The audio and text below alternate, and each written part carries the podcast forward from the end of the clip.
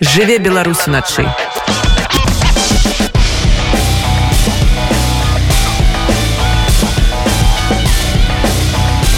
Беларускія ноцы. Як правільна Киргізія ці Кыргызстан. Такое пытанне журналісты расійскага выдання спорт экспресс.ру днямі задалі вядомаму ураджэнцу кыргызскага горада такмак суперчэмпіёнам свету па версіі WBA боксёру Дмітрыю бівалу. Спартовец адказаў што па-руску правільна Киргізія а па кыргызску Кыргызстан.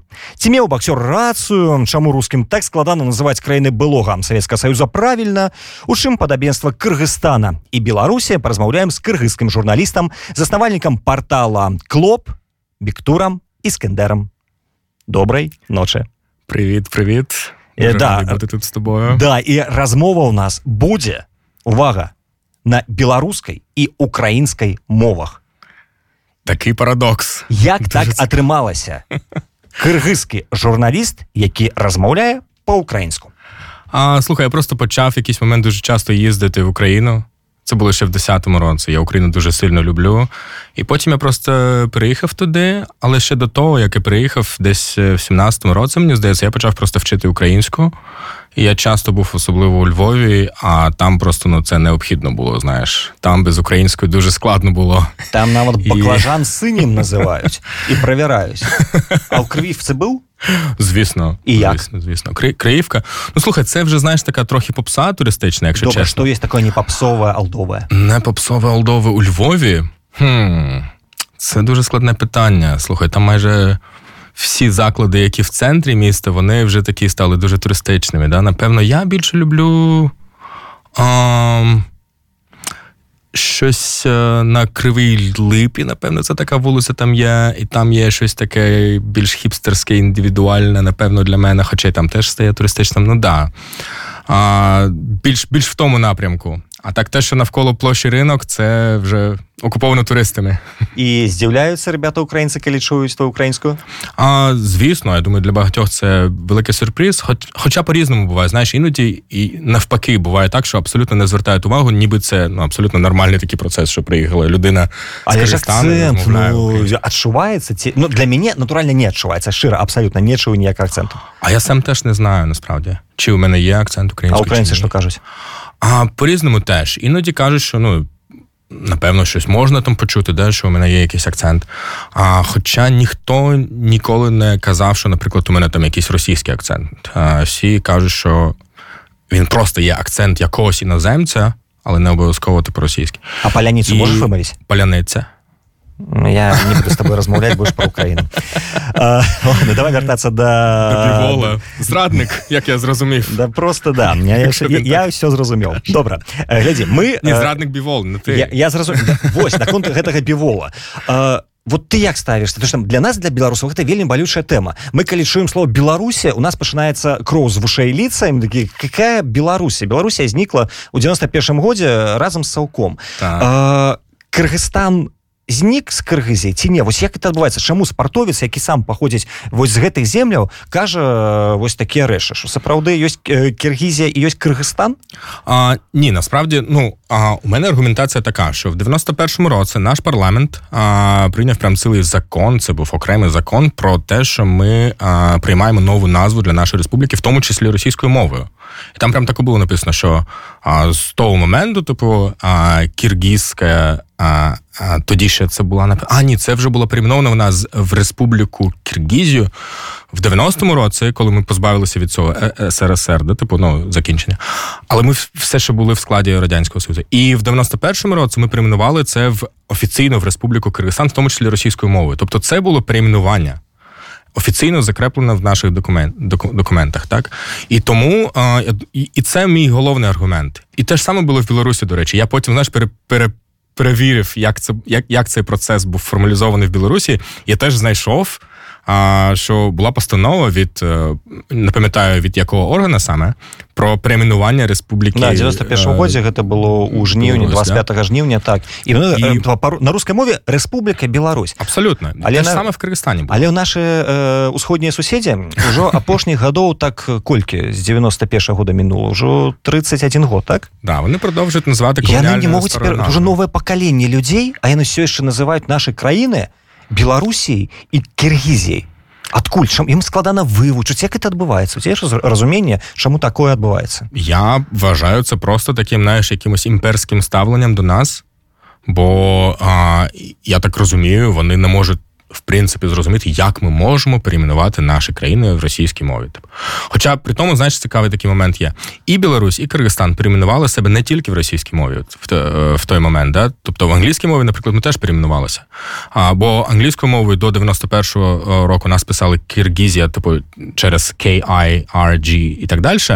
І ми потім а, прийняли, прийняли нову назву і англійською мовою теж, і Киргизстан через Y там і так далі. А ми почали так писати свою країну в 91-му році. В англійськомовному світі питань жодних не було взагалі. Типу, всі прийняли абсолютно нову назву, типу, і почали нас писати так, ну як ми попросили. І я думаю, на цьому і тримається цей принцип да, самоназви країн, що якщо країна якась. І для неї важливо, щоб там а, якоюсь певною мовою да, а, назва була так, як країна хоче, треба це ну, якось поважати. Да? Бо ну, це бажання країни. І бажання країни воно а, відображено в тому, що є якийсь закон певний, який був прийнятий органом, який був е, вибраний народом. Да? І все просто. І тому, тому можемо говорити, що це реально народ вибрав таку назву для країни. І а, в англійському в, в англомовному світі знову ж да, абсолютно ніяких питань до цього не було. І з Білорусі, потім, як я зрозумів, те ж саме було. Бо так само була Білораша і стала е, Білораша, тому через BYEL, щось таке. по складанні тому досі домен, да, BY. Він, Так, він так. залишився типу з того часу. І, а, і потім Беларусь офіційно теж було перейменовано англійською мовою. І а, потім я знайшов ще такий, знаєш, цікавий прецедент. Наприклад, а, це було, наскільки я розумію, це було десь 3-4 роки тому, коли Свазіленд перейменував себе в Есватіні. А, це таке королевство, наскільки я пам'ятаю, на пів, півночі до Африки. І, і потім мені було цікаво подивитись, як російськомовна Вікіпедія на це відреагує. В російськомовній Вікіпедії у нас прям знаєш ціла війна була з модераторами, і там просто, на жаль, більшість модераторів це росіяни. І вони просто кількістю, знаєш, якось задавлюють нас. А, і в, тому, в тому числі в тому, в тому, яке рішення прийняти там відносно там назви і так далі. І а, там була ціла бійка а, навколо того, як Киргизстан треба правильно назвати.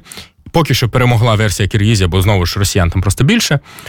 А Свазіленд в Есфатіні вони перейменували, типу, за буквально, типу, ну, одразу, як тільки Свазіленд був перейменований, вони прийняли цю назву. При тому, що перейменування Свазіленду в Есватіні абсолютно по такому ж принципу відбувалося. Да? Свазіленд це англійська колоніальна назва, Есватіні означає те ж саме, просто локальною мовою, да? е, корінною мовою.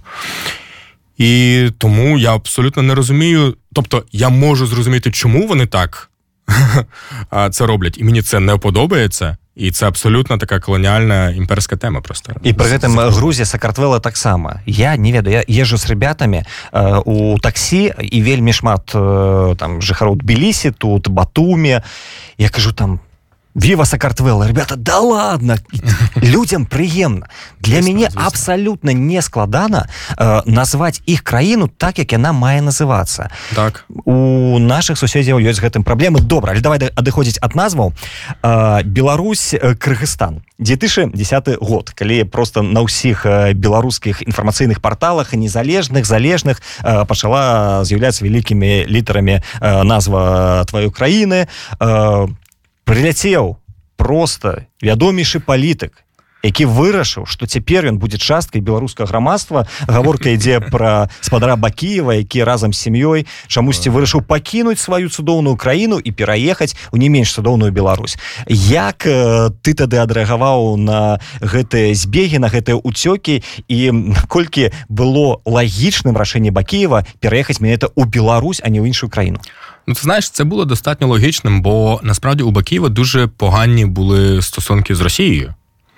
А, І Бакіїв, це, по-перше, це найгірший президент, який у нас був. Найбільш корумпований просто президент, який створив створив таку мафіозну мафіозне угрупування, яке знаєш, контролювало майже всі сфери, які в Киргизстані в принципі були. А разом зі своєю родиною, да, типу, вони це робили. І потім, коли вже ну а, час революції був все ближче і ближче. А, І мені було цікаво, в той день, коли а, в Бішкекі проте, е, після протестів, да, під час протестів е, захопили там, наприклад, будинок там парламенту, уряду і так далі. Бакіїв спочатку а, він а, поїхав до півдня Киргизстану, і він ще намагався, типу, якось там а, затриматись у владі, і він організував там декілька протестів, але потім ну, зрозуміло стало, що все, йому треба вже залишати країну і кудись їхати. І Росія не була варіантом абсолютно. Бо а, у нього настільки погані вже на той момент були стосунки з російською владою, що і для нас це насправді був такий дуже дивний момент. Бо перед нашою другою революцією навіть російські державні змі почали розганяти теж тему на про те, наскільки корумпована типу влада в Киргизстані і так далі. Вони а, посварилися через статус американської авіабази, яка у нас на той момент була в Киргизстані. І і тому у нього насправді не так багато вибору було в принципі, куди їхати. Був варіант з Казахстаном, але Казахстан це ненадійно, це занадто близько. І а, при тому Казахстан був тоді. А, а, Теж при, прийняв, взяв, взяв участь е, в перемовинах а, про те, де саме Бакіїв, е, куди саме Бакіїв потім поїде. Да? І він спочатку полетів до Казахстану, а потім з Казахстану вже напряму в Білорусь на якомусь приватному літаку. І в принципі, це на той момент насправді було достатньо логічним рішенням. А, бо Білорусь була найзручнішою просто країною, куди можна було втікати. Е, тим більше, що ну, з Лукашенком вони прям були друзі-друзі, да?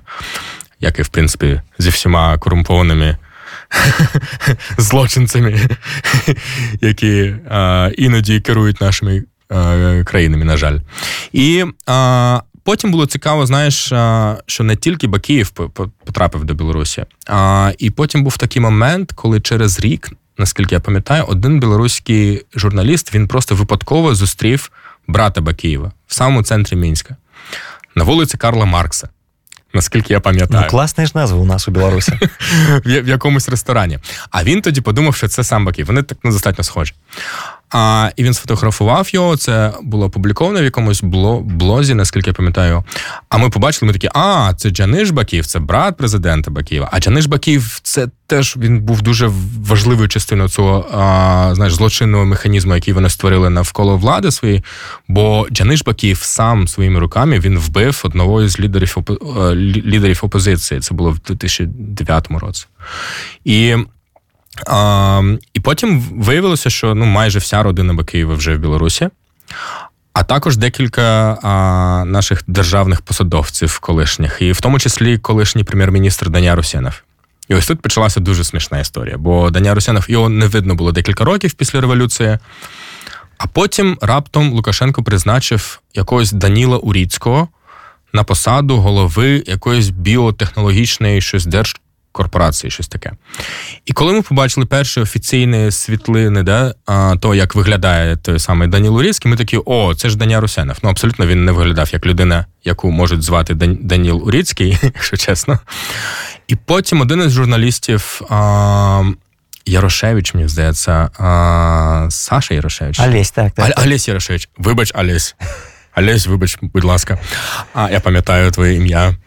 А, і а, Олесь, а, він мені розповідав, бо він якраз був журналістом, який спитав а, Усянова Уріцького, типу, чи він є а, Даніаром Усяновим, колишнім прем'єр-міністром Киргизстану.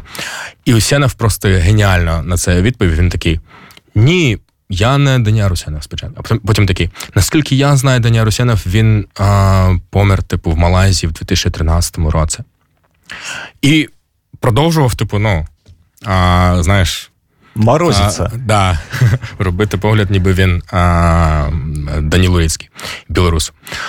А потім а, якраз це був день виборів е, в 2020 році, і а, ми в цілому слідкували ну, за тим, що відбувається в Білорусі, звісно, і нам цікаво було подивитись на ефір державного телебачення. А, І, звісно, там не було жодного абсолютно е, сюжету про протести, про а, які були одразу да, після виборів. Замість цього, першим сюжетом в прайм тайм був сюжет про те, як Лукашенко прийшов з візитом до цієї біотехнологічної корпорації, де його зустрів, звісно, Даніл Урійський. Ми такі цікаво, що там буде. І він в самому кінці розмови звертається до нього Даніяр. Він такий, Боже. Помилка. Абсолютно, вони якось не координують, напевно, да? про що вони брешуть. Да? Типу, І він такий: ну, ми віримо, типу, в киргизів, в наші браття, типу, такого. Лукашенко щось таке сказав. Тобто подвійний такий fail. Да? Типу, він а, одразу і назвав його старим і, і, і, іменем, да? типу, і, і назву ще, ще, і ще, ще, да, і ще й зробив такий акцент на тому, що він саме з Киргизстану. Типу. Е, Ну, нам то, в принципі, і так зрозуміло було, що він там. Тому да, наші просто найгірші а чиновники, які у нас були в історії Киргизстану, вони от опинилися в Білорусі. Таким ну, чином. наші е, найгорші чиновники в історії Білорусі все ще у нашій країні, але сподіваємося, що вони так само будуть себе шукати ніякі нові місця і пождано десь в районі Гааги. Так, так, так, менавіта.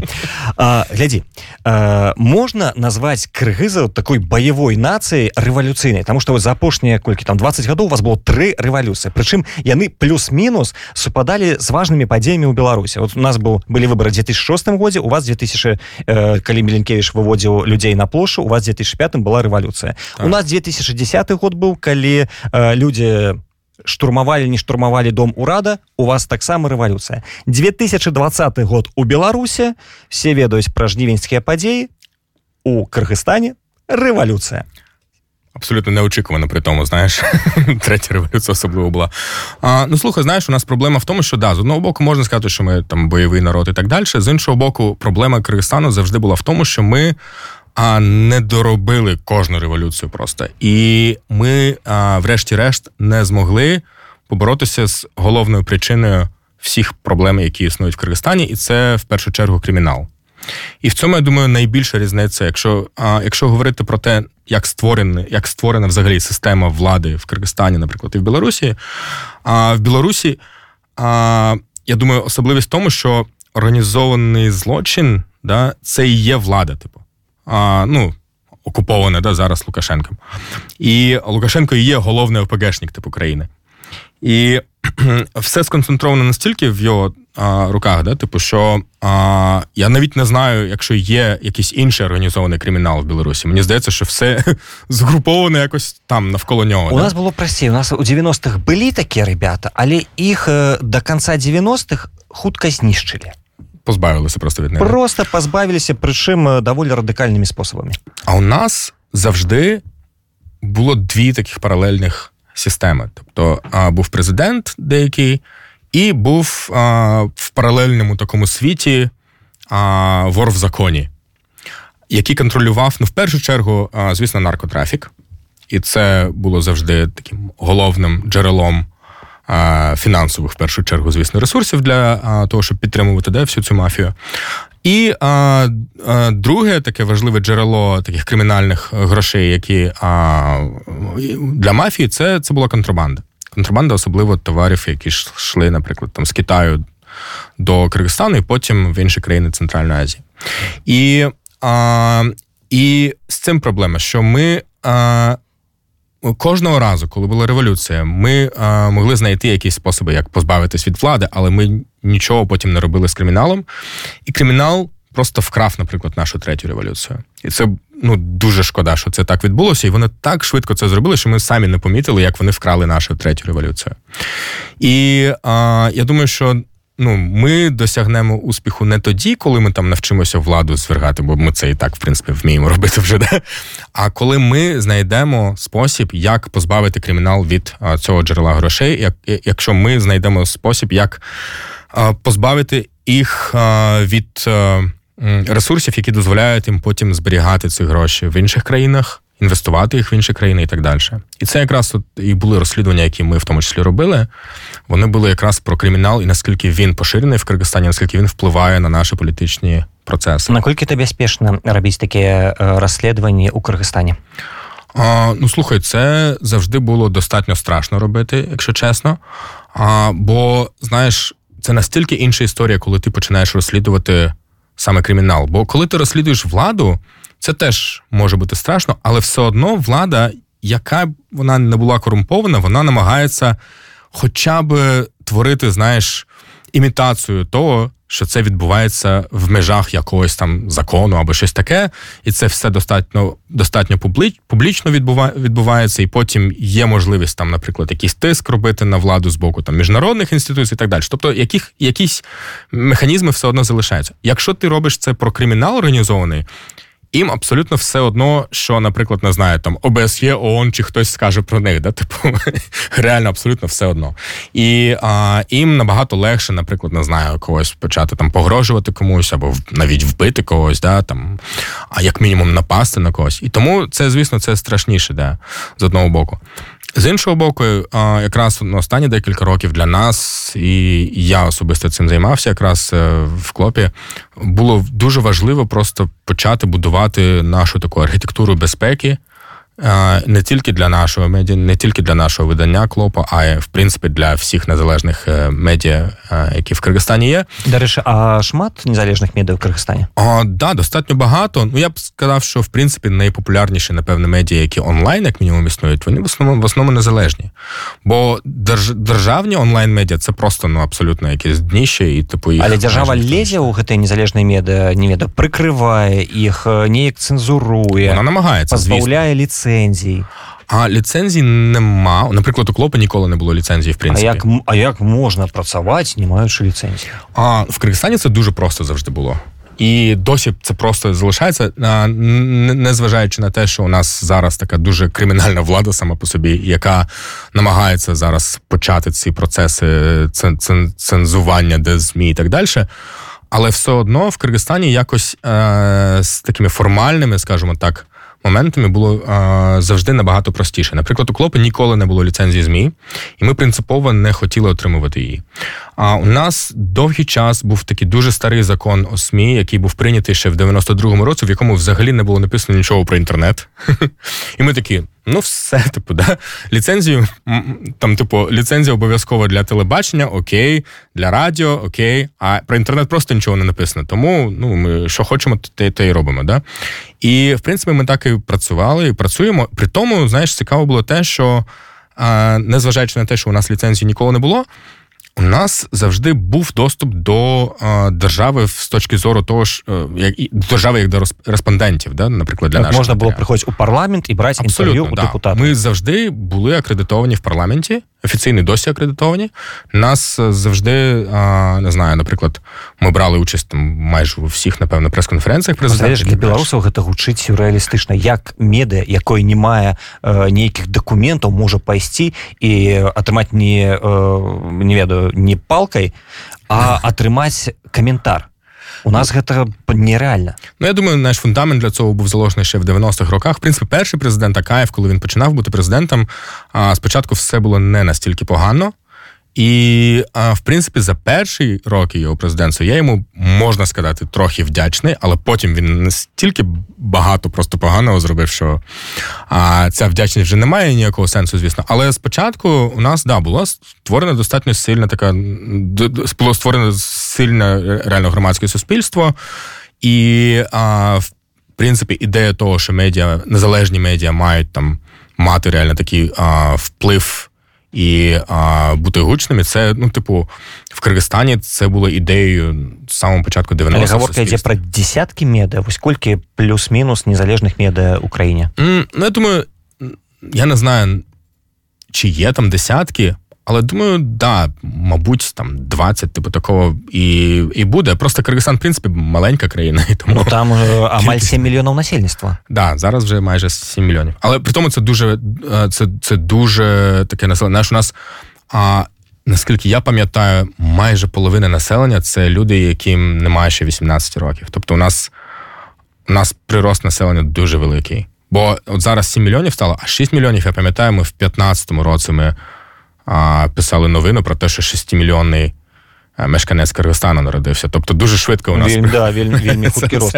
І вось як гэта маладое грамадства у сэнсе ўзроста напрыклад рэагуе на апошнія падзеі як у Кыргызстане ставяцца напрыклад да расійскай агрэсіі дачыненні да Украіны падтрымліваюць Украіну падтрымліваюць Расію стараюцца быць нейтральнымі хаця гэта вельмі складана ў такой сітуацыі Це дуже зараз складно насправді підрахувати якось, бо соціологію теж не все так добре в Киргизстані, і тому я, наприклад, ніколи ще не бачив жодного такого якісного, де в принципі будь-якого соціологічного якогось там дослідження про те, як населення Киргизстана ставиться, наприклад, до а, війни до російської агресії да, проти України. Але я більше знаєш, дивлюся на якісь інші фактори. Мабуть, вони а, всі стосуються моєї бульбашці. Е, яка напевно не є індикатором того, як у всій країні да, до цього відносяться. Але м- поки що мені здається, ситуація така, що більшість населення, в принципі, не цікавиться цим настільки прям а, серйозно.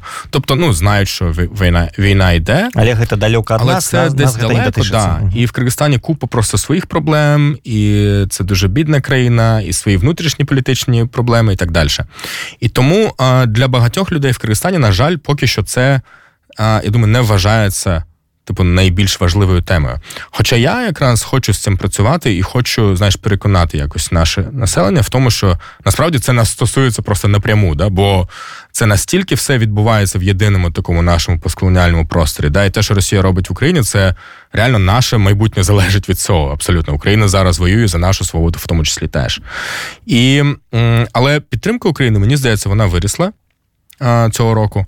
Цікаво було бачити, знаєш, кількість, наприклад, протестів підтримки України. Бо в 2014 році, коли почалася війна, власне, да, і а, але це було ще в березні, мені здається, 14-го, коли а, вже почалася окупація Криму. І у нас був тільки один протест підтримки України, який я пам'ятаю. Він був на центральній площі, але там було тільки, напевно, 20 людей, напевно, прийшло тоді. І а, а так більшість населення, типу, ну просто незрозуміло було, а, в чому саме сенс да, того, що відбувається. Цього року було все абсолютно по-іншому. Одразу після того, як вторгнення повномасштабне почалося, у нас був вже перший протест біля російського посольства. І потім, протягом березня і квітня, точно майже кожного тижня хтось збирався біля російського посольства і протестував з прапорами України і так далі. І для мене це ну дуже важлива ознака була того, що у нас з'явилася якась частина суспільства, яка почала розуміти в цілому да, цей весь неоколоніалізм російський. Потім в своїй бульбашці я бачу все більше і більше більше а, розмов про те, що, по-перше, в цілому про деколонізацію і колоніалізм як такий, бо саме цей термін колоніалізм ми не використовували його ще там, не знаю, там 10 років тому. Да? Це настільки не вважалося чимось таким актуальним, мені здається, на той момент. А, Але зараз про це набагато більше людей, як мінімум, в моєму оточенні почали говорити.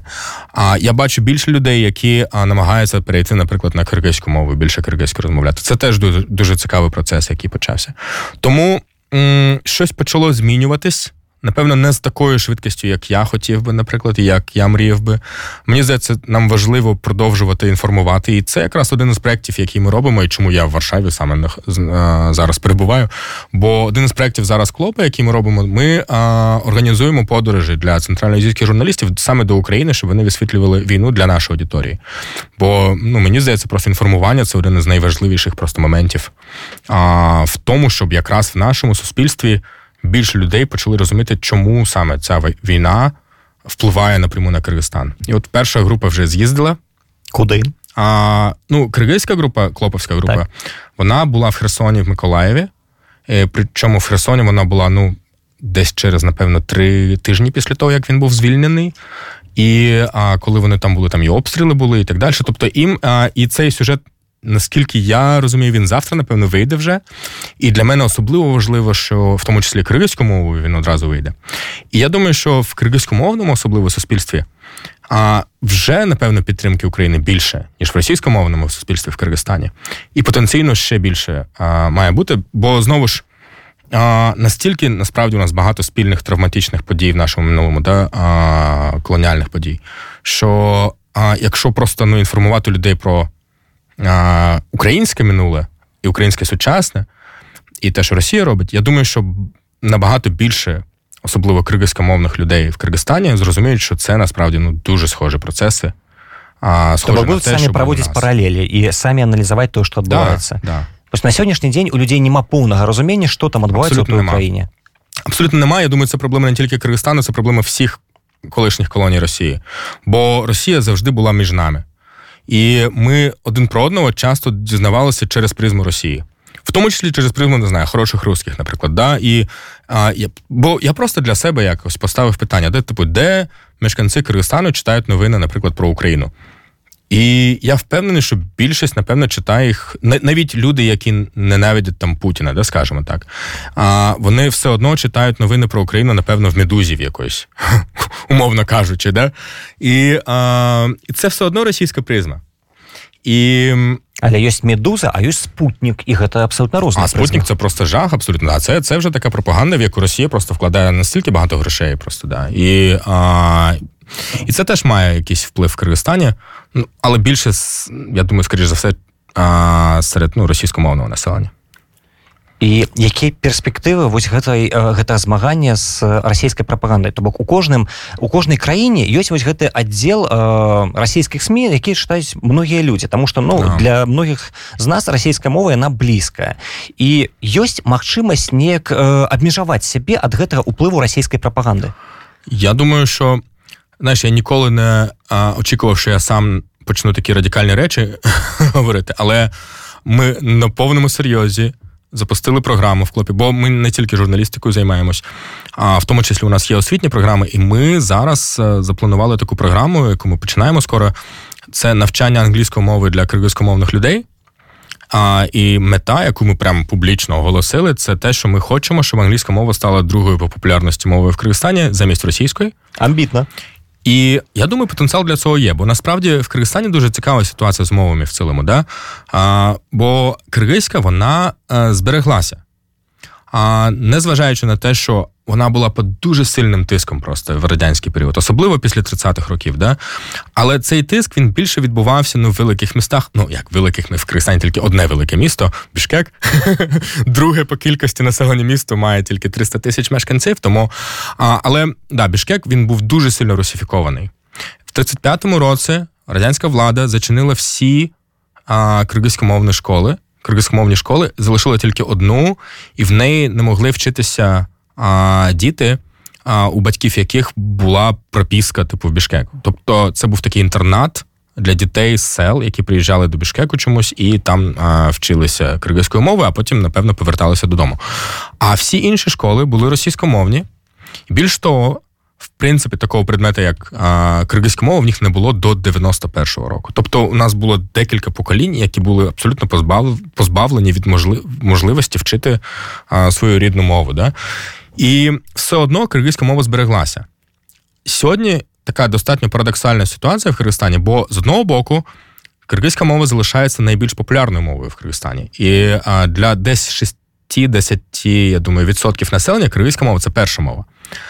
Але російська мова це, знаєш, це напевно як було в е, е, в Південно-Африканській Республіці, да, в часи апартеїду, коли була меншина, яка має абсолютно весь контроль над ресурсами, над фінансами і так далі, розмовляє англійською, а більшість населення просто ну.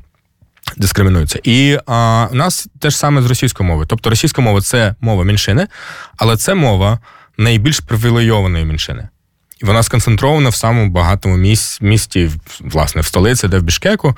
І а, і тому, якщо ти хочеш збудувати успішну кар'єру в Киргизстані, по-перше, треба переїжджати в Бішкек все одно, а, бо просто більш-менш нормальні зарплати тільки там є. А в Бішкекі без російської мови дуже складно вижити. Я просто ведаеш правожу паралель з беларусі і тое ж саме у нас вельмі складана пабудаваць недзе кар'еру. Сам вялікі горад у нас па-за менскам гэта гомель. Таксама там 500 тысяч плюс-мінус тое ж самае і бачу вельмі шмат паралеляў паміж нашымі краінамі. Тым больш калі перайдзеш у менск пачнеш там размаўляць по-беларуску будуць пэўныя тэхнічныя праблемы з пошукам працы. На вялікі жаль у нас скончыўся час нашай цудоўнай размовы. Хачу падзякаваць табе за тое што ж знайшоў час і нагадаць да нашим слухачам што сёння госцем радыонет быў кыргызскі журналіст заснавальнік портала клоп э, Бектур Іскандар дзякуеш раз. Дуже дзякую. Жыве беларусу начай